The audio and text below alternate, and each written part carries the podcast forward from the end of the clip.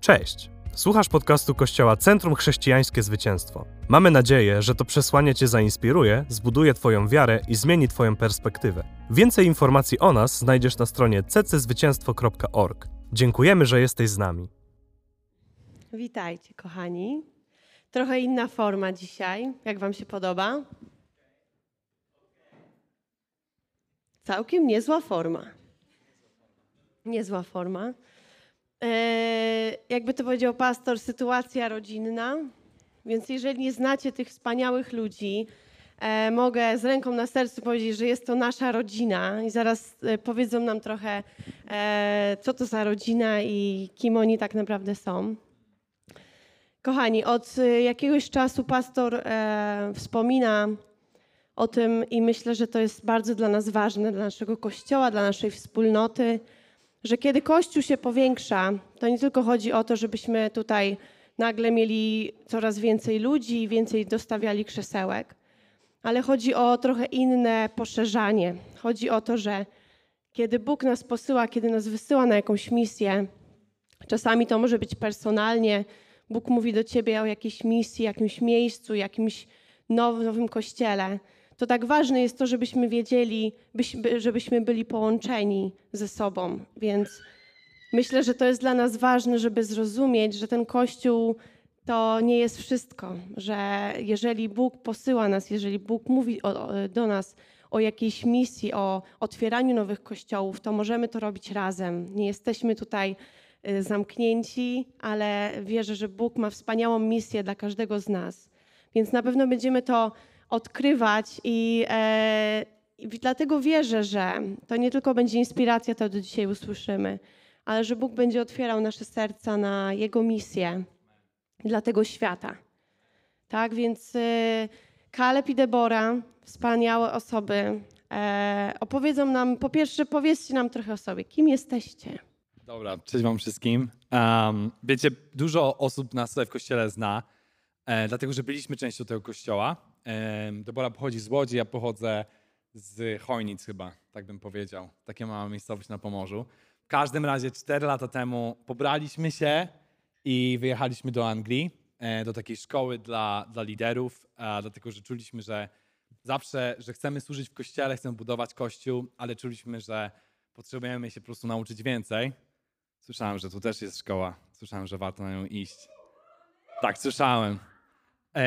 I, no, I to po prostu zmieniło nasze życie. I słuchajcie, zaczęliśmy się modlić, później ok, no to mamy jakąś wiedzę, czego się nauczyliśmy, co teraz robimy. I tak wyszło, że właśnie wyjechaliśmy dwa i pół roku temu do RPA e, po to, żeby założyć tam kościół. I to była niesamowita podróż, naprawdę niesamowicie. To chyba największa podróż naszego życia dotychczas i wiele rzeczy się nauczyliśmy, wiele rzeczy doświadczyliśmy i tak naprawdę dzisiaj mam nadzieję, że właśnie będziemy mogli Wam o tym opowiedzieć. E, wiem, że czasami jakby z doświadczenia, czasami od czasu do czasu się trafiają takie nauczania właśnie, że jest takie jak rozmowa, nie? że nie ma jednej osoby i tam tłumaczy Biblię czy coś takiego, tylko jest taka rozmowa i czasami ciężko jest coś z tego wyciągnąć, ale my się postaramy za, z, ze wszystkich sił, żebyście mogli wyjść stąd zainspirowani, żebyście mogli czegoś się nauczyć, żeby to też mogło, żeby Duch Święty mógł zmienić wasze życie, e, ale też chcę was zaprosić, żebyście mieli otwarte serca, e, żeby wszystko, co mówimy, żebyście jakby gdzieś tam pytali Boga, ok, co to znaczy dla mnie, co ja mogę z tym zrobić i wierzę, że to będzie super poranek. Amen. E, tak jak Kaleb powiedział, wyjechali dwa i pół roku temu do Kapsztatu. Kapsztadu. Jak to się stało? Myślę, że wiele osób zadaje sobie pytanie, y, osób, które szukają Boga i szukają Bożego powołania, pytają, co dalej, co mam dalej zrobić, nie wiem, co zrobić, chciałbym coś zrobić. Y, jak to było u Was? No więc um, zaczynając od początku, e, pojechaliśmy, tak jak Kaleb powiedział, do Anglii na rok z planem, żeby wrócić z powrotem do Łodzi. Nie było w nas żadnego pragnienia, żeby jechać, zakładać kościół do Afryki. E, nie był to w ogóle nasz plan. E, I tu jestem szczera, bo mogłabym teraz tu usiąść i powiedzieć, zawsze chcieliśmy być misjonarzami, pojechać do Afryki, pomagać i tak dalej. Natomiast tak nie było. I kiedy, kiedy kończyliśmy tą szkołę, pamiętam, że e, było właśnie niedzielne nauczanie i e, tak jeszcze pokrótce powiem, że ten kościół jest znany z tego, że właśnie zakłada kampusy w różnych miejscach na całym świecie, więc są kampusy w Indiach i są kampusy w Azji mniejszej i w innych miejscach na świecie. Um, i, yy, I my jakby wiedzieliśmy o tym, ale od początku naszym liderom i wszystkim mówiliśmy, my jesteśmy tutaj tylko po to, żeby się nauczyć czegoś i wrócić do Polski i to tam zaaplikować. Więc to było otwarte od początku, że to jest nasz plan. I właśnie na jednym z tych niedzielnych nauczań yy, ogłoszono, że będzie nowy kampus i puścili właśnie taki filmik, żeby pokazać, że o, co to będzie. Pokazali pingwiny, jakiś stadion yy, i nagle ogłosili, że dobra, będzie kościół w Kapsztadzie.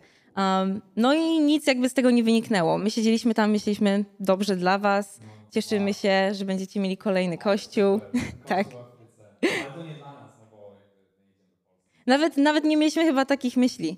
Nawet nie byliśmy w tym miejscu, żeby powiedzieć, to nie jest dla nas. My po prostu wiedzieliśmy, że wracamy do Polski i nie było, nie było takiej rozmowy z Bogiem, że o może, a może powinniśmy tam pojechać.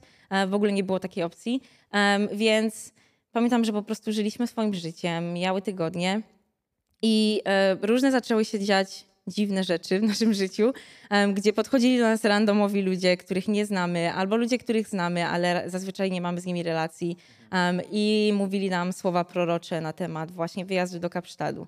No i gdzieś z mojego grzesznej, z mojej grzesznej natury Pierwsza moja reakcja, i myślę, że Kaleba też, była taka, że to jest jakaś manipulacja, że oni chcą, żebyśmy tam pojechali, więc teraz nam dają słowa prorocze um, i że generalnie to nie jest to coś, co ja bym chciała robić. Um, ale później to był rok też, kiedy Maria przyjechała z Polski do, um, do Anglii, żeby nas odwiedzić. E, I wtedy już byliśmy na takim, myślę, etapie, gdzie Kaleb czuł, że może to jest coś, co powinniśmy zrobić. Kaleb zawsze jest e, parę kroków do przodu e, i generalnie czuł, że generalnie Bóg pyta jego, jaką chcesz stać się osobą. I kiedy zaczął odpowiadać sobie na te pytania, doszło do niego, że powrót do Polski może ten proces wydłużyć, natomiast zrobienie czegoś takiego jak wyjechanie na misję będzie, będzie czymś, co na pewno zbuduje ten charakter i może nawet to się wydarzyć szybciej. E, więc Kaleb już był gdzieś w miejscu, gdzie on się czuł, że on jedzie, ale ja dalej miałam relację z Bogiem na takim e, etapie, gdzie mówiłam, ok, jeżeli przekonałeś Kaleba, to przekonaj też mnie. I pamiętam właśnie, że Maria przyjechała i siedziałyśmy sobie pierwszego wieczoru e, w naszym mieszkaniu i Maria jeszcze nie wiedziała wtedy, że my, że jest taka opcja, żeby jechać do południowej Afryki. Um, ale powiedziała, no leciałam sobie samolotem i generalnie wszystkie notatki e, z mojego iPada zostały usunięte, oprócz tej jednej. I to jest mój sen, który miałam w 2000 którymś tam roku. Um, I w tym śnie ja jechałam pociągiem z Indii do, do was, żeby was odwiedzić a wy też byliście w jakimś, na jakimś innym kontynencie i bawiliście się tam z dziećmi, które były białe i czarne. I ja generalnie już wtedy miałam takie, okej, okay, gdzie na świecie są białe i czarne dzieci? W południowej Afryce. I w kontekście jakby tych wszystkich rzeczy, które wcześniej się działy, to było dla mnie takie oczywiste, jakby oczywiste, że Bóg mówi, okej, okay, może powinniście tam pojechać. Ale dalej miałam swoje, swoje e, jakby um, swoje wątpliwości. Um, dlatego, że to, ten wyjazd do południowej Afryki nie oznaczał tylko i wyłącznie naszych chęci wyjazdu, ale e, oznaczało to zostawianie rodziny, oznaczało to rzucenie studiów, oznaczało to bardzo wiele różnych rzeczy, które nie przychodzą tak po prostu. Więc um, myślę, że Bóg przekonywał nas i um, cały czas zadawał nam pytanie, czy po prostu mu ufamy, czy wierzymy mu na tyle, po co zrobiliśmy tą akademię, jeżeli dalej chcemy jakby mieć swój własny plan i robić swoje własne rzeczy. I była to podróż do południowej Afryki, była podróżą po prostu porzucania swojej własnej, um, swojego planu i swoich ambicji i tego, co nam się wydawało, że powinniśmy zrobić w danym czasie. Um, I słuchanie Ducha Świętego. E, był to czas, kiedy już nie wystarczało mi, że właśnie dostanę słowo prorocze od mojego lidera. Nie wystarczało mi, jakby nie chcę mówić, że to jest złe. Myślę, że bardzo ważne jest to, żeby e, szanować słowo prorocze, żeby e, odbierać to, żeby ufać naszym liderom. Natomiast musimy też dbać o swoją własną relację z Bogiem i o to, bo kiedy kiedy właśnie mamy robić takie rzeczy, które wymagają ogromnej wiary, to nie możemy już bazować na tylko i wyłącznie tym, co ktoś inny powiedział, ale musimy pozwolić Duchowi Świętemu ożywić to słowo dla nas i sprawić, że my będziemy pewni tego. I w takich trudnościach wtedy, w momentach, przez to, że to jest żywe dla ciebie, a nie tylko i wyłącznie to, że um, robisz coś z takiego pustego posłuszeństwa, wtedy właśnie um, jest ci łatwiej po prostu wierzyć, że, że jest dobrze, że Bóg macie w swoim ręku i że tak ma być. Więc zanim się obejrzeliśmy, już aplikowaliśmy o wizę i um, sprzedawaliśmy wszystko. Um, byliśmy tutaj, pamiętam, też w kościele, opowiadaliśmy o naszych planach i um, później wsiedliśmy, weszliśmy na pokład, weszliśmy na pokład samolotu i odleciliśmy. Także taka była podróż do RPA. Y, trochę odpowiedziałaś na kolejne pytanie, ale może Kaleb tutaj coś dopowie. E, bo wyjazd na drugi koniec świata wydaje się może dla niektórych taki niewyobrażalny i trochę przerażający. Czy jak się czuliście? Już wiedzieliście, decyzja podjęta e, i pewnie jak, nie, jak ja czujecie ekscytację. Wow, super. Ale z drugiej strony też na pewno wątpliwości albo jakiś strach. Powiedzcie coś o tym.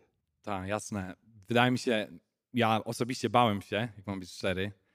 E, dlatego, że po pierwsze, nie wiem, czy wy też tak słyszeliście, ale ja słyszałem złe rzeczy o RPA, że tam jest niebezpiecznie. E, no w ogóle drugi koniec świata. My nigdy w ogóle w Afryce nie byliśmy, nie? I to jest zupełnie inna kultura, więc to było przerażające. Chociaż wydaje mi się, że pierwszy strach, z jakim musieliśmy się jakby zmierzyć, to był taki strach, co my w ogóle robimy. Jakby wszyscy na całym świecie, a przynajmniej wszyscy, kogo znamy, kończą studia, idą do pracy, rozwijają karierę, jesteśmy młodym małżeństwem, może powinniśmy znaleźć dobre mieszkanie, inwestować, da, da, da, da, wziąć kredyt, da, da, da, mieć dobre życie. Więc to było takie, czemu my w ogóle tam jedziemy? Czy my podejmujemy dobrą decyzję? Zwłaszcza kiedy często rozmawialiśmy właśnie z, nas, z naszymi znajomymi, to oczywiście oni mieli takie, co? To trochę dziwne, co robicie.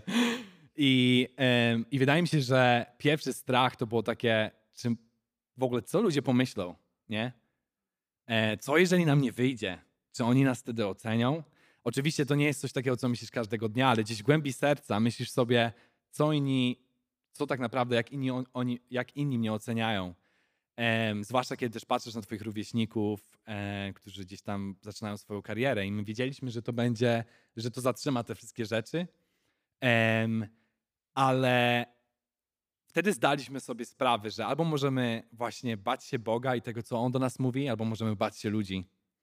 I myślę sobie, że może dzisiaj ktoś z Was też jest tutaj na tej sali, który ma duże marzenia, albo wierzy, że ma jakieś powołanie, które jest zupełnie inne niż to, co działo się w Waszej rodzinie, albo to, co dzieje się w Twoim otoczeniu.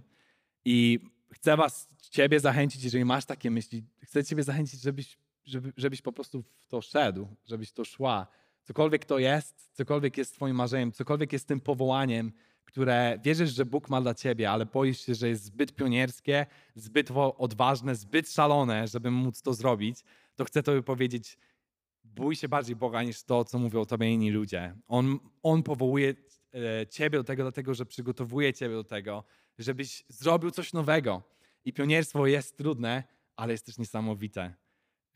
I my z takim, takim myśleniem staraliśmy się iść, że trudno. Jak ludzie nas ocenią, albo jak nam nie wyjdzie, albo jak po trzech miesiącach wrócimy, bo się okaże, że nie mamy pieniędzy, no to jakby, no będzie słabo, ale, ale wierzymy, że idziemy za tym, co mówi do nas Bóg. I to było niesamowite. A drugi, drugi strach, z którym się zmierzyliśmy, to właśnie był bardzo związany z takimi e, praktycznymi rzeczami. E, my w RPA nie mogliśmy pracować. Pojechaliśmy tam e, na wizie wolontaryjnej, co oznacza, że nie mieliśmy po prostu pieniędzy. I ja kiedy policzyłem sobie w kalkulatorze, ile potrzebujemy na te dwa lata, to była po prostu jakaś kosmiczna suma pieniędzy, nie? Nawet możecie sobie policzyć, ile generalnie trzeba spędzić na życie, na jedzenie, mieszkanie i tak dalej e, przez dwa lata. I mówię, no nie ma żadnej szansy, żeby Bóg dał nam te pieniądze, nie? Po prostu takie rzeczy się nie dzieją.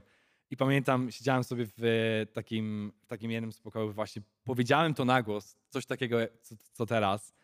I mój przyjaciel tak na mnie nagle spojrzał wziął mnie za moją koszulę i mówi: Nigdy nie waż się tak mówić. Nie waż się mówić nigdy. Mówi, przecież Bóg jest twoim ojcem, On ciebie kocha. Jeżeli On ciebie powołuje do tego, co masz zrobić, to On wszystkim się zaopiekuje. On zaopatrzy ciebie. I przyszedł do głowy mi taki wers e, właśnie z, z Księgi Izajasza, który chcę wam przeczytać, dlatego że jest niesamowity. E, z 41 rozdziału, 10 werset. Mówi, nie lękaj się, bo ja jestem z tobą. Nie trwóż się, bo ja jestem twoim prawdziwym Bogiem. Ja cię pokrzepię i wspomogę. Wesprę cię prawicą mojej sprawiedliwości. To, to te słowa, że ja jestem Twoim prawdziwym Bogiem. Jeżeli On jest prawdziwym Bogiem, to znaczy, że On może zrobić wszystko, czego potrzebujesz. On może być wszystkim, czego potrzebujesz. On mówi, że jest Twoim ojcem, że jest Twoim pasterzem, że Ciebie kocha. I może ktoś z Was dzisiaj też zmaga się z jakimś, z jakimś strachem. Może patrzycie w przyszłość i, i nie wiecie, czego się spodziewać może, może przechodzicie po prostu przez trudny czas. To, co Bóg nam pokazał, to to, że na, możemy nie mieć żadnego planu finansowego na dwa lata, możemy nie mieć żadnych oszczędności, nie wygraliśmy loterii, a, a Bóg zaopatrzył i dał nam wszystkiego tego, czego potrzebujemy. Przez tydzień, tydzień, przez dwa i pół roku dawał nam e, wszystko, czego potrzebowaliśmy. Dach nad głową, jedzenie, ale też bezpieczeństwo. Mimo, że RPA jest niebezpiecznym miejscem, to nic nam się nie wydarzyło i, i po prostu był to jeden z najbardziej niesamowitych czasów. Um, więc były te strachy, ale chcę dzisiaj was zostawić z taką myślą, że Bóg jest niesamowity, On ciebie kocha. Jeżeli tylko wierzysz w to, kim On mówi, że jest, to możesz z odwagą iść w przyszłość. Mm, niesamowite świadectwo. Wow. Au, au, au, au. Yy, dobrze, to yy, jesteśmy już w RPA, przylecieliśmy tym samolotem. E, i zakładamy kościół, tak? Nie przyjechaliśmy na wakacje, aczkolwiek przepiękne miejsce, prawda? Powiedzcie trochę o tych pierwszych miesiącach zakładania kościoła. Super. Mamy nawet jakieś zdjęcia. Możemy wrzucić zdjęcie 3.1. Mamy taki tajny kod. Każde zdjęcie jest ponumerowane, więc czasami będą mówić 3.2, 3.8. To jakby co chodzi o zdjęcie. To jest 3.1. Okej, okay, super. No więc pierwszy tydzień w Kapsztadzie E, pod koniec tego tygodnia, jeszcze a propos strachu, pamiętam, że wracaliśmy z takiego spotkania dla nas, jako dla osób, wolontariuszy, którzy tam przyjechali, żeby, żeby, żeby siebie poznać lepiej budować jedność, bo niektórych po prostu ludzi nie znaliśmy. I wracamy właśnie Uberem e, od naszego pastora z domu i widzimy pożar na ulicy, dwie, dwie ulice od nas. E, I się zastanawialiśmy o co chodzi. Się okazało, że ktoś wysadził autobus. I my od razu mówimy, co my tu robimy. Pierwszy tydzień ktoś wysadził autobus. Pamiętam, że mama wtedy pisała do mnie jakieś wiadomości, że co się dzieje w RPA, e, że, bo to były jakieś tam strajki i generalnie bardzo dużo złego się wtedy działo. Um, I było to bardzo e, ciekawe, że no nic nam się nie stało, mimo że było tak, tak, blisko, um, tak blisko naszego domu. Um, I też a propos strachu, były, były sytuacje, e, kiedy na przykład e, nie, nie szłam z Kalebem, jeszcze nie przyzwyczajona do tego, że teraz już jest troszkę inaczej. Jako kobieta nie mogę sobie po prostu chodzić, gdzie mi się chce. E, I powiem wam, że nie było sytuacji, nie było dnia, kiedy byłabym bez Kaleba i um, nie dostałabym jakiegoś komentarza na ulicy albo ktoś by mnie nie zatrzymał. A ja jestem miłą osobą, więc jak ktoś mnie zatrzymuje i ja zawsze myślę, że może chcę spytać o drogę, nie żebym wiedziała, bo jestem tu nowa, ale zawsze się zatrzymam. Um, aż w końcu się nauczyłam, że no, po prostu trzeba iść do przodu i y, ignorować ludzi. A, więc myślę, że ten pierwsze, pierwsze miesiące były trochę jeszcze takie, że my próbujemy zrozumieć kulturę, próbujemy zrozumieć o co w ogóle chodzi, gdzie możemy chodzić, gdzie nie możemy chodzić, o której musimy być w domu, um, gdzie będziemy robić zakupy. I to były takie bardzo praktyczne rzeczy. Um, ale jednym też z priorytetów dla, dla, nas jako kościoła było to, żeby e, od początku um, zacząć budować i znaleźć salę. Więc to, co tutaj widzicie na tym pierwszym zdjęciu, to jest właśnie opuszczony parking, który my dostaliśmy pozwolenie, żeby właśnie tam zrobić kościół. Taki parking podziemny, no. Tak, więc ta ściana, która tutaj, to, to ją widzicie, my ją zbudowaliśmy, żeby właśnie oddzielić e, pokój, to jest pokój dla dzieci. Możemy um, następne zdjęcie, trzy, dwa. I teraz kolejne zdjęcie to jest właśnie ta sala, w której mieliśmy później eventy. E, zrobiona w panoramie chyba, bo tak dziwnie wygląda trochę. No i właśnie te pierwsze miesiące codziennie przychodziliśmy e, po to, żeby, żeby malować ściany, sprzątać, malować podłogę, a później po tej połowie dnia wychodziliśmy na zewnątrz e, i rozdawaliśmy ulotki, zapraszaliśmy ludzi na pierwszy event, który planowaliśmy, że będzie gdzieś w okolicach Bożego Narodzenia. Um, I właśnie to było, miało być takie pierwsze rozpoczęcie, gdzie zap- zapraszamy ludzi z okolicy um, do naszego kościoła. Um, więc teraz kolejne zdjęcie to już jest to, jak później on Em, wyglądał. Ładnie, co? Um, Zróbcie więc wow. No, cudownie. Własnymi rękami. Ja wrzucę też jeszcze coś ważnego, że my jak przyjeżdżaliśmy do Kapsztadu, modliliśmy się specyficznie, w której dzielnicy mam założyć kościół. I Bóg, Kapsztad jest podzielony na jakby przez to, że przez poli- e, historię polityczną było tam, była segregacja rasowa, to te dzielnice są bardzo mocno jakby widać, że ta jest bogata, ta jest taka średnia, ta jest bardzo biedna. I my mieliśmy to marzenie, żeby założyć kościół, który jednoczy ludzi, więc chcieliśmy tak być właśnie po środku, tam gdzie te kultury najbardziej się mieszają. I nie było w tym miejscu, szukaliśmy przez internet żadnego miejsca. Wiecie, to nie jest łatwe, żeby znaleźć taką salę na, wiecie, na 100 osób, gdzie można zrobić pokój dla dzieci i tak dalej, i tak dalej. To zawsze jest challenge dla pastorów. Tak mi się wydaje przynajmniej. Dla nas był. I modliliśmy się o to i nie było nic. I dosłownie, kiedy przyjechaliśmy z wiarą, po prostu mówimy, no nie ma, ale no, no zobaczymy, co się wydarzy. Pierwszy tydzień znaleźliśmy ten garaż i ten pan, który był właścicielem, mówi, zróbcie kościół.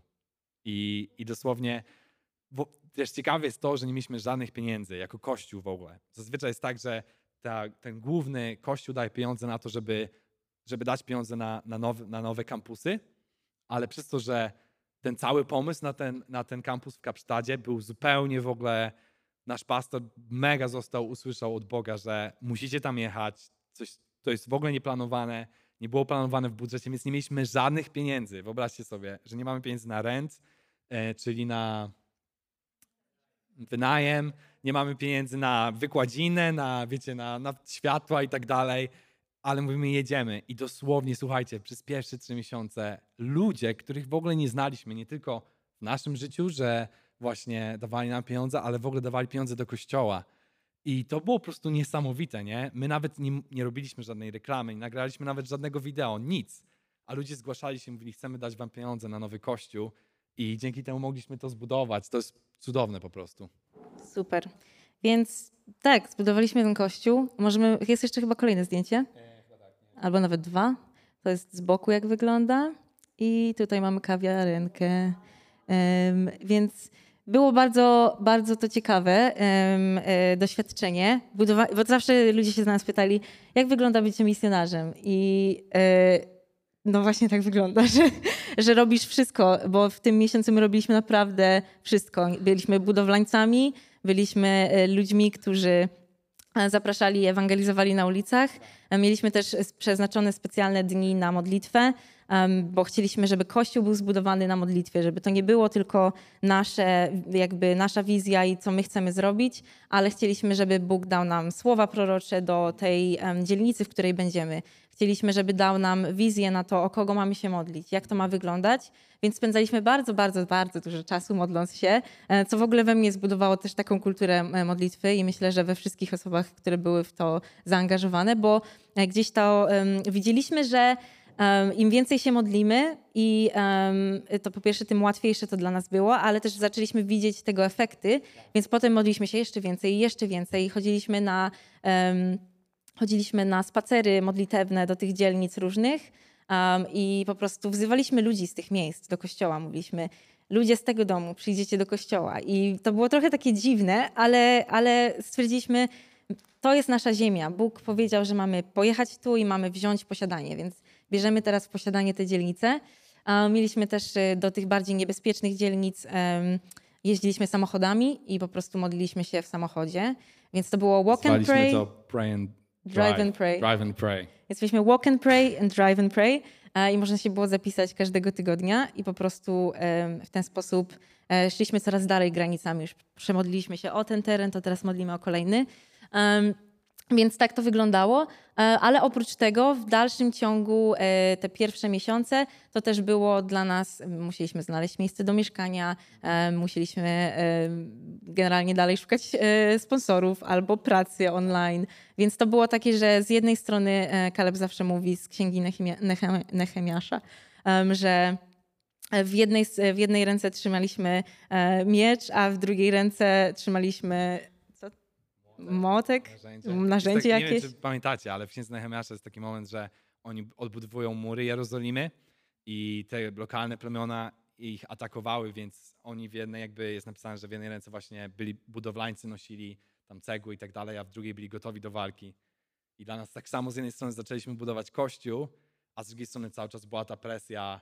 Niektórzy ludzie wciąż nie mieli wizy, niektórzy ludzie też nie mieli pieniędzy. My wciąż nie mieliśmy jakby pełni budżetu, który potrzebowaliśmy, więc to było takie, że wiecie, rano wstajemy, idziemy, zakładamy kościół z wiarą i tak dalej, później wracasz do domu i mówisz aplikujesz o pracę. Tak, mam nadzieję, że dostanę pieniądze w następnym miesiącu, więc i tak dalej. Musieliśmy walczyć duchowo. Tak. Musieliśmy walczyć. Mieliśmy finanse na pierwsze trzy miesiące, um, więc było bardzo to interesujące, że nawet w tym wszystkim Bóg nie dał nam wszystkiego od razu, tylko chciał nas też nauczyć, że musimy mieć wiarę i czy będziemy Amen. mieć wiarę. I też było to ciężkie, bo to była walka duchowa, ale też emocjonalna, żeby się nie skupiać na tym, co będzie za trzy miesiące, ale żeby być um, obecnym w tym, um, co teraz robimy, czyli w tych praktycznych rzeczach budowania kościoła, ale też poznawaniu ludzi.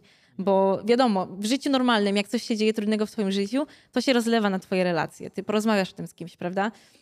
Więc kiedy jesteś pod taką presją, łatwo jest ciągle o tym gadać, łatwo jest ciągle myśleć o tym, ale wtedy nie jesteś aż tak efektywny w tym, do czego Bóg cię powołał. Więc Bóg powiedział: Nie, musicie oddać mi to i robić to, do czego was powołałem. Jak wrócicie za trzy miesiące, to wrócicie za trzy miesiące, ale teraz tu jesteście, więc zróbcie z tego jak najlepsze rzeczy. Um, więc myślę, że może to też być zachęta dla kogoś tutaj na tym miejscu, że jeżeli jesteście właśnie w trudnym miejscu w swoim życiu i się z czymś zmagacie, to żeby nie skupiać się na tej sytuacji, bo mogą wam umykać ludzie i rzeczy, które Bóg chce zrobić przez was w tym czasie, a On już się troszczy o każdą inną rzecz. I w każdym sezonie musimy po prostu nau nauczyć się widzieć Boga i Boży plan, co On chce zrobić, a nie martwić się o dzień jutrzejszy. Wow, wow, super. Jesteście z nami? Tak? Jesteście zainspirowani, bo jeszcze, jeszcze troszeczkę pytań przed nami. E, myślę, że to Wam się spodoba to pytanie. Wyobrażenia kontra rzeczywistość. Jak, jak to wyglądało? I czego się spodziewaliście? Co zastaliście? Możecie powiedzieć o tych, o tych y, negatywnych, ale też o tych pozytywnych. Super. No to yy, generalnie, jak już wiedzieliśmy, że pojedziemy, to zaczęliśmy trochę to romantyzować. E, tak jak się na, na, filmach jest zawsze, ludzie jadą, gdzieś i um, wyobrażaliśmy sobie właśnie, że będziemy w jakichś wioskach z chustami na głowie i że będzie po prostu, będziemy pomagać dniami, dniami i nocami, że wylądujemy, ludzie będą padać, Duch Święty będzie po prostu wszystkich poruszać i od razu nam się wszystko uda. Na pierwszą niedzielę będzie 100 osób, a na drugą już tysiąc takie mieliśmy gdzieś marzenia i gdzieś mówiliśmy, ok, my robimy radykalny krok, więc Bóg zrobi radykalny krok też. A wylądowaliśmy i właśnie pierwszy miesiąc robimy, kurczę, jakieś, malujemy ściany, chodzimy, ludzie nie chcą się zatrzymać na ulicy, nikt nie chce z, z nami rozmawiać. Um, dajemy ulotki ludziom w Uberach i to są jedyni ludzie, którzy nas słuchają, bo muszą, bo, my, bo nas podwożą. Generalnie bardzo zaskakujące było dla mnie to, że ta nasza naiwność, kiedy jechaliśmy, że wydawało nam się, no jak my robimy coś takiego, no to to musi po prostu wydać e, ogromny owoc od razu, a wcale tak nie było i myślę, że dobrze, że tak nie było, bo, bo mieliśmy event później kolejnego roku, na który przyszło ponad, myślę, 150 osób i to było, było właśnie Boże Narodzenie. I my nawet nie mieliśmy wystarczającej ilości wolontariuszy do tego, żeby porozmawiać z nimi. Nie mieliśmy wystarczającej um, jakby mocy do tego, żeby to jak najlepiej wykorzystać. Więc Bóg, Bóg pokazał nam, ok, jak dam wam to, o co się modlicie, to zobaczycie, że i tak nie jesteście w stanie jeszcze dzisiaj tego ponieść. Um, i zaskakujące było dla mnie to, że właśnie po pierwsze Kapsztad też nie jest, nie jest wioską. Myślałam, że to będzie takie, że tu kurczę, w wiadomościach zawsze się widziało, że w RPA to naprawdę straszliwe rzeczy się dzieją, a tam jest naprawdę bardzo pięknie, mimo że jest niebezpiecznie, to życie nie to jakby nawet Eunika, siostra Kaleba, która pojechała zakładać kościół do Kigali, powiedziała, bo przyjechała nas odwiedzić później na parę miesięcy, powiedziała, to, to nie jest Afryka. To, co wy tu macie, to, to nie jest um, taka Afryka, jaką ja znam, tak? E, więc, e, więc to było bardzo ciekawe dla mnie też e, i myślę, że zaskakujące, że, że tak to wygląda. I myślę, że taką największą rzeczą, która mnie personalnie zadziwiła, bo my się, mieliśmy wizję i ambicje na to, jakich ludzi byśmy chcieli widzieć w kościele. My się modliliśmy o młodych, ambitnych, no bo chcieliśmy mieć e, wspólne pole do, do jakby czuć się, że jesteśmy adekwatni, że możemy pomóc, prawda? E, I my się wcześniej zajmowaliśmy służbą młodzieżową, dostaliśmy też słowa proroctwa, że, będzie, e, że będziemy właśnie z młodzieżą działać. Modliliśmy się o tego typu osoby. No i pierwszy tydzień na to Boże Narodzenie przyszło, myślę, że 80% to były osoby bezdomne, prostytutki, um, ludzie uzależnieni od narkotyków i um, ludzie, którzy po prostu no, byli w ogromnej potrzebie i, um, i 20% to myślę, że były takie osoby, o które się modliliśmy, które gdzieś spełniały nasze e, wymogi naszych modlitw. No więc mówimy, dobra, idziemy dalej. Kolejny tydzień Modlimy się też o, o te osoby, y, żeby przyszły i znowu przychodzi coraz więcej tych osób takich w potrzebie. E, I powiem wam, że my nie wiedzieliśmy, co z tymi ludźmi zrobić, bo nam się wydawało, że my tam przyjechaliśmy, poszliśmy nawet, pastor powiedział, dzisiaj nie ma kościoła, idźcie do różnych kościołów, żeby zobaczyć, jak to wygląda w innych kościołach, żeby poznać kulturę i tak dalej. I my poszliśmy do Hillsonga. I tam, kurczę, 5 tysięcy osób na arenie, wiecie, takie, y, takie y, y, jeszcze gole były, żeby o, założymy wielki kościół, a przychodzimy i realia są takie, że przyciągamy z naszej dzielnicy ludzi, którzy właśnie um, nie spełniają tych modlitewnych wymogów. Także um, Bóg nas e, bardzo jakby, dał, jakby ach, upok nie upokorzył, ale dał nam pokorę w tym wszystkim. Um, I myślę, że większość z tego, czego my się baliśmy, to jest właśnie to, że my nie możemy tym ludziom pomóc, bo ich problemy są za duże dla nas. I chciałam przeczytać właśnie z, z Biblii z werset, e, który mówi o tym, że, że mamy miłować bliźniego swego jak siebie samego. I że jeżeli czynimy różnicę między osobami, to popełniamy grzech, jeżeli uznajemy i jesteśmy uznani za przestępców. I w angielskiej wersji którą, e, tego wersetu właśnie to mówi o tym, że mamy nie rozdzielać bogatych i biednych w kościele, że mamy nie faworyzować tych, którzy mogą coś przynieść dla nas i sprawić, że my się będziemy dobrze czuć, ponad tych, których Bóg nam daje, tak? I pastor zawsze mówi, że to pasterz jest powołany do owiec, a nie owce do pasterza, tak?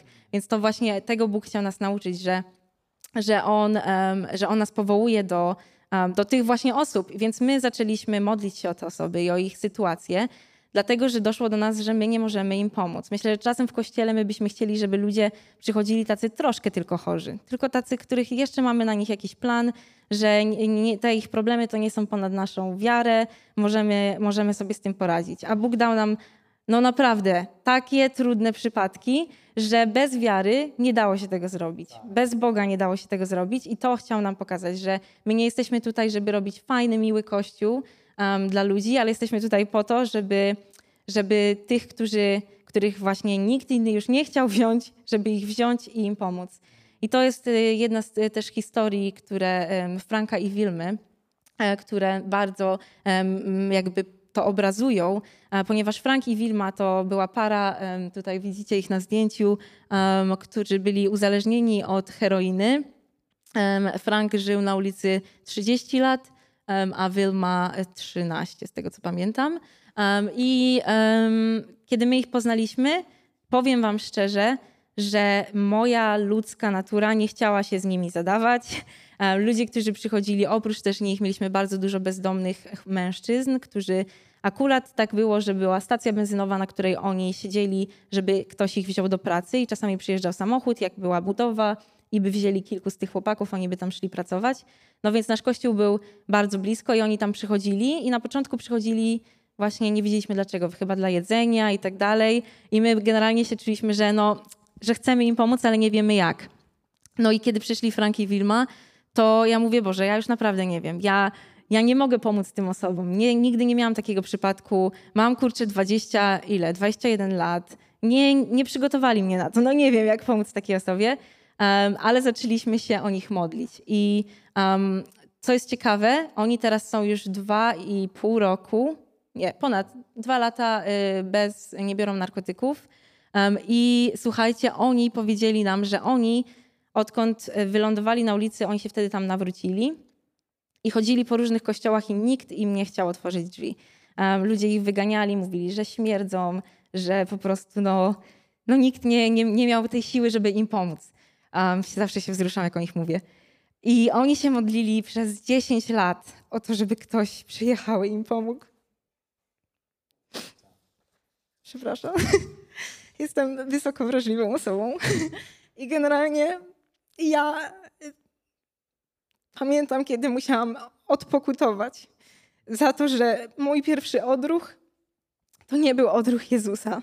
Ja nie, ja nie chciałam im pomóc, nie chciałam się z nimi zadawać i ten werset, który przeczytałam, ja byłam tą osobą, która podświadomie rozdzielała osoby, które wydawały się, że, że mogą być w kościele, od osób, które były, no za trudno im pomóc, za dużo to ode mnie wymaga. I powiem Wam, że ten jeden przypadek całkowicie zmienia moje myślenie na temat Kościoła i na temat misji. Doszło do mnie, że, że nawet ludzie, których my widzimy na ulicy, nie muszą być w Afryce, mogą być w Łodzi, ludzie w Twojej pracy czy w szkole, ludzie, którzy, od których wszyscy inni się odgradzają, że to są ludzie, do których Bóg mówi: Ja, ja Ciebie powołuję. A bycie misjonarzem i bycie, bycie osobą, która robi Boży plan, oznacza, że będziesz mieć stopy tym, którzy, którzy właśnie przychodzą z ulicy, tym, którzy chodzą na bosaka. I powiem wam, że, że y, Frank i Wilma są najbardziej pokornymi ludźmi, jakich poznałam na świecie. Nigdy nie poznałam nikogo bardziej pokornego. To byli ludzie, którzy jeszcze jak brali narkotyki, przychodzili do kościoła i uwielbiali Boga, mimo że byli, wiecie, byli pod wpływem, My zapraszaliśmy ich, mówiliśmy, ok, możesz przyjść.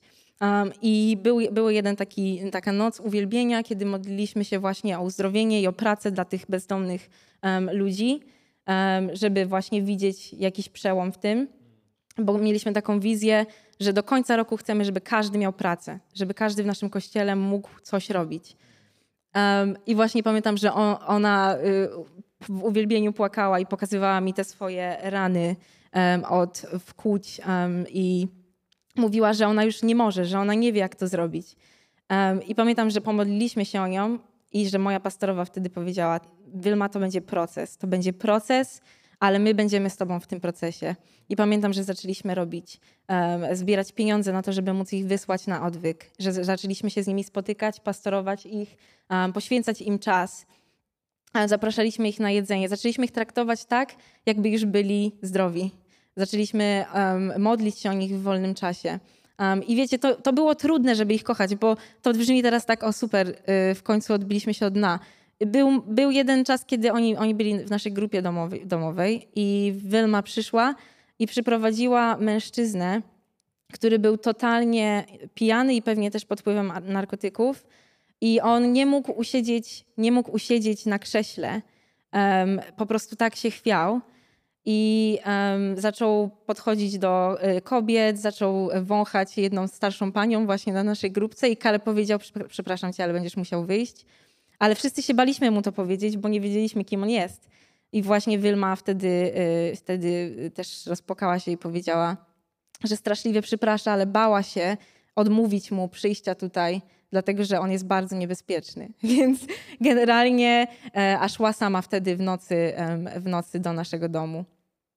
I, I, chciała po prostu być na grupie. Więc to nie, była, e, to nie był spacer, żeby takie osoby zapraszać do swojego domu. Pamiętam, że no, nawet mieliśmy takie pytanie sami dla siebie, też będąc całkowicie transparentna, czy powinniśmy schować jakieś rzeczy, czy powinni, że nie wiedzieliśmy, jak mamy pastorować takich ludzi.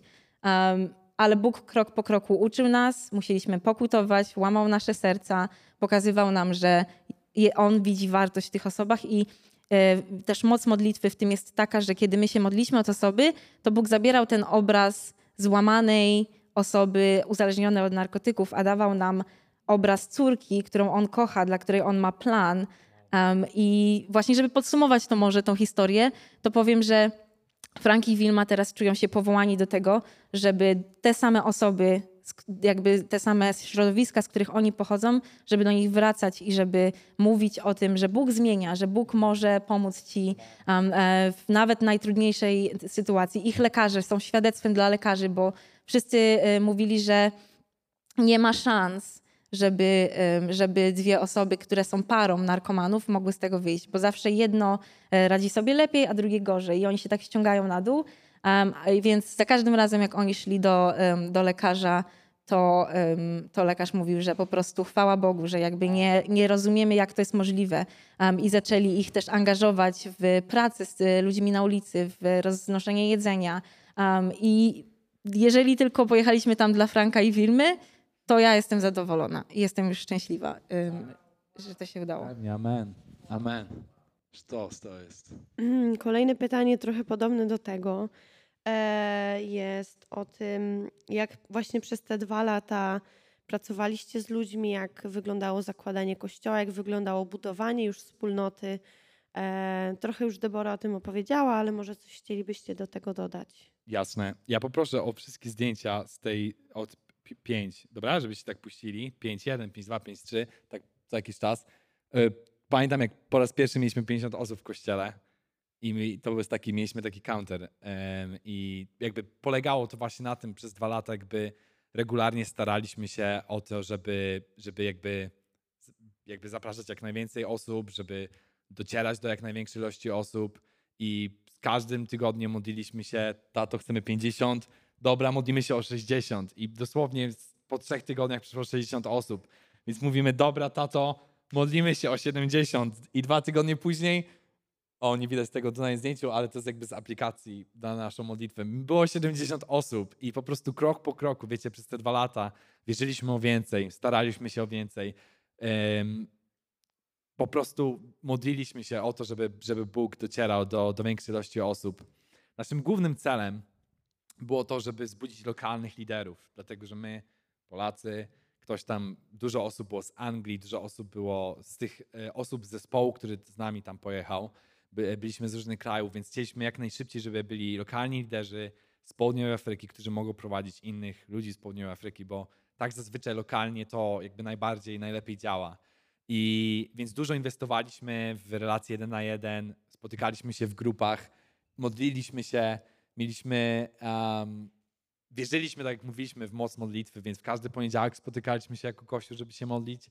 E, modliliśmy się w środę razem jako Kościół, modliliśmy się w piątek jako przy, e, jakby zespół przywódczy, żeby, żeby modlić się o, o, te osoby, bo mówimy, no nie, my nie damy rady, nie? my nie mamy umiejętności, ja nigdy nie prowadziłem takich ludzi, ale z Bożą pomocą możemy to zrobić i naprawdę Bóg robił niesamowite cuda e, tydzień po tygodniu.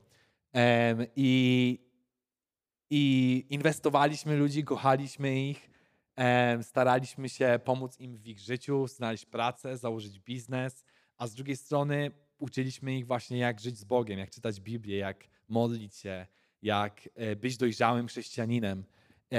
I no, to było po prostu niesamowite, jak miesiąc po miesiącu przychodzili ludzie, nawet na tym zdjęciu, większość z tych chłopaków właśnie przyjechali z innych krajów, z innego kraju po to, żeby pracować w RPA, ale nie znaleźli pracy, więc wylądowali na ulicy bez żadnej pomocy, bez żadnej perspektywy, ale dzięki Bożemu Słowu i dobrej rodzinie, która ich kocha, wzięli chrzest i dzisiaj mają pracę i, i wiecie, i, i świadczą też, e, modlą się o swoje rodziny i, i przyprowadzają ich do kościoła. I tak dosłownie osoba za osobą, wiecie, historia za historią. Tak naprawdę to było kochanie każdej osoby każdej osoby, która wejdzie do kościoła, wierzenie, że hej, Bóg może zmienić Twoje życie. Po to tu jesteśmy. Chcemy Tobie pomóc, chcemy Tobie służyć i poprowadzimy Ciebie um, krok po kroku. Um, to jest śmieszne zdjęcie. Trochę creepy, ale dobra. Um, więc te dwa lata były niesamowite. Dla mnie najbardziej chyba taką rzeczą to jest to, że właśnie lubię to słowo planting. Mówi się church planting na zakładaniu kościołów. I pole, mu, jakby ta planting, czyli właśnie zasadzanie, że sadzi się kościół. I według mnie przez dwa lata tak naprawdę to jest to, co robiliśmy. To jest sialiśmy Bożą miłość z jednej strony, z drugiej strony Ewangelię, czyli mówiliśmy Ewangelię każdej osobie, której się tylko dało. Rozdawaliśmy ulotki do każdego domu, do każdego, do każdej osoby, którą spotkaliśmy, w każdym sklepie. Ludzie wiedzieli, kim jesteśmy, bo, bo to był nasz główny cel. I po prostu sialiśmy, sialiśmy, sialiśmy przez dwa lata, dzień w dzień, sialiśmy. I, i wierzę, że, że o tym właśnie jest zakładanie kościoła. To jest ten, to myślenie, że jestem tu po to, żeby siać. To, czego się nauczyliśmy, to to, że tak naprawdę nie potrzebujemy żadnego projektu do tego, jak church planting. Nie potrzebujemy zostać misjonarzami, żeby pojechać gdzieś tam i, i to robić. Tak naprawdę każdy z nas może być tym church planterem tu i teraz, nie? Każdy z nas może być tym, który zakłada, który jakby służy i sieje każdego dnia. I wierzę, że w naszym sercu to jest jedna z głównych rzeczy, którą chcielibyśmy zostawić dla Was dzisiaj. To to, że tak naprawdę, wiecie, Bóg powoła nas, żeby siać. Każdy z nas jest w jakimś środowisku, niektórzy z Was są w szkołach, niektórzy jakby w innych pracach, mamy inne rodziny, mamy innych sąsiadów. Tak naprawdę to, co musimy robić, to siać każdego dnia. I wiem, że to jest trudne, kiedy ma się pracę, ma się swoje marzenia i ma się jakby swój pomysł na życie, ale tak naprawdę jesteśmy tu po to przede wszystkim, żeby siać. Nie tylko, żeby mówić Ewangelię może, nie tylko, żeby zapraszać do kościoła, a żeby kochać, żeby służyć, żeby modlić się i dzień w dzień, tydzień w tydzień, tak jak też tydzień, tydzień temu Michał Wodaczyk mówił też przez naszą pracę, przez to, że się rozwijamy, siejemy, siejemy, siejemy. Dlaczego? Dlatego, że jesteśmy tu po to, żeby budować Boże Królestwo i każdy z nas, tak jak tutaj siedzimy, może to zrobić. I tak wyglądały właśnie te dwa lata. Trochę nas czas nagli, więc zastanawiam się, czy, y, czy nie będziemy już kończyć. Czyli um, największa lekcja, w sumie trochę już o tym powiedziałeś, ale może Debora też chciałaby coś dopowiedzieć i może chciałbyś po prostu to podsumować. Czyli taka największa lekcja z tego czasu. No, myślę, że y, było bardzo dużo różnych y, małych lekcji, ale taka jedna z takich bardziej znaczących dla mnie personalnie to y, na pewno było moc modlitwy i po prostu ufność, ufność Bogu, nie? Że, że bez modlitwy, bez Ducha Świętego nie możemy nic zrobić, ale kiedy dodajemy Ducha Świętego i kiedy modlimy się o coś e, intencjonalnie albo o kogoś, to Bóg daje nam wizję, daje nam chcenie i wykonanie do tego, żeby to się wydarzyło. I że po prostu, no, tak jak mówi Biblia, z Bogiem nie ma nic niemożliwego. Kiedy Bóg ma jakiś plan, to po prostu to zrobi i możesz być tego częścią, jeżeli chcesz być posłuszny, albo możesz opóźnić swoją podróż z nim w jakiś sposób, bo wierzę, że jakbyśmy powiedzieli nie i nie pojechalibyśmy, to w jakiś stopniu opóźniłoby może to nasz wzrost w wierze, nie zobaczylibyśmy tych rzeczy, które zobaczyliśmy, tych cudów, które tak wpłynęły na naszą wiarę. Um, I wierzę, że też nauczyłam się po prostu, że najlepsze, co można zrobić ze swoim życiem, bardzo często mówimy i ze swoimi marzeniami, podążaj za swoją karierą, y, znajdź siebie. Um, natomiast wydaje mi się, że najlepsze, co można zrobić, to zamienić swoje własne marzenia na marzenia Boże E, i podążać za Bogiem. Zamiast podążać za swoimi marzeniami, podążaj za Bogiem, a On da ci nowe marzenia, da ci nowy cel um, i wyjdziesz na tym lepiej niż, um, niż byś wyszedł na swoich własnych planach i na tym, co ty chciałeś zrobić. Więc myślę, że to jest moja lekcja. Amen. amen. Tak, tak, tak. Amen, amen, amen. Woo! Amen. Ja bym powiedział tak jeszcze na koniec. Um, każdy z was ma dzisiaj jakiś ma plan na ten tydzień, prawda? Macie plan może na najbliższe 6 miesięcy. My też mamy plany i planowanie jest dobre. Ale gdybym miał powiedzieć jedną rzecz na koniec, to chciałbym was zachęcić. Dzisiaj śpiewaliśmy właśnie, że dziś oddaję ci całe serce me i całe życie i całe ciało tak samo. I wydaje mi się, że często jako chrześcijanie myślimy, że chodzi tylko o ten moment, kiedy dajemy życie Jezusowi, ale tak naprawdę to chodzi o całe życie. Tak naprawdę to chodzi o Twoje każde marzenie. Tu chodzi o każdy plan, jaki masz. Więc dzisiaj, jeżeli miałbym do, do, do czegoś Was zachęcić, nawet siebie samego, po prostu otwórzmy przed Nim ręce i mówimy, tato, po raz kolejny mówię, wszystko jest Twoje. I moje marzenia, to żeby może mieć tą pracę, może zrobić ten deal w biznesie, może mieć ten samochód, może mieć rodzinę, może cokolwiek to jest dla Twojego życia. Ja mam otwartą rękę. Jeżeli chcesz, to niech to się wydarzy, ale jeżeli masz coś innego, to, to w porządku. Jeżeli mam wyjechać na drugi koniec świata, to w porządku. Jeżeli mam wyjechać do Pabianic, to w porządku. Jeżeli mam zmienić swoją karierę, to w porządku. Jeżeli mam zrobić szkołę, to w porządku. Cokolwiek to jest, tato, ja dzisiaj mam otwartą rękę. Nie trzymam tego dla siebie. Nie trzymam tego po to, żeby, bo mam moją ambicję i chcę, żeby inni ludzie patrzyli na mnie w jakiś określony sposób. Zawsze jestem otwarty. Planuję, bo trzeba, ale zawsze jestem otwarty i daję przestrzeń Bogu, żeby robić cokolwiek tylko chce w moim życiu. Jestem Jego narzędziem, jestem Jego dzieckiem, które kocha po to, żeby budować Boże Królestwo. Więc dzisiaj Was zachęcamy, otwórzcie przed Nim swoje ręce. Powstańcie, pomodlimy się. Dziękujemy, że byłeś z nami. Mamy nadzieję, że ten odcinek Cię zainspirował. Pamiętaj, że możesz odwiedzić nas w każdą niedzielę. Więcej informacji i podcastów znajdziesz na naszej stronie cczwycięstwo.org. Zapraszamy.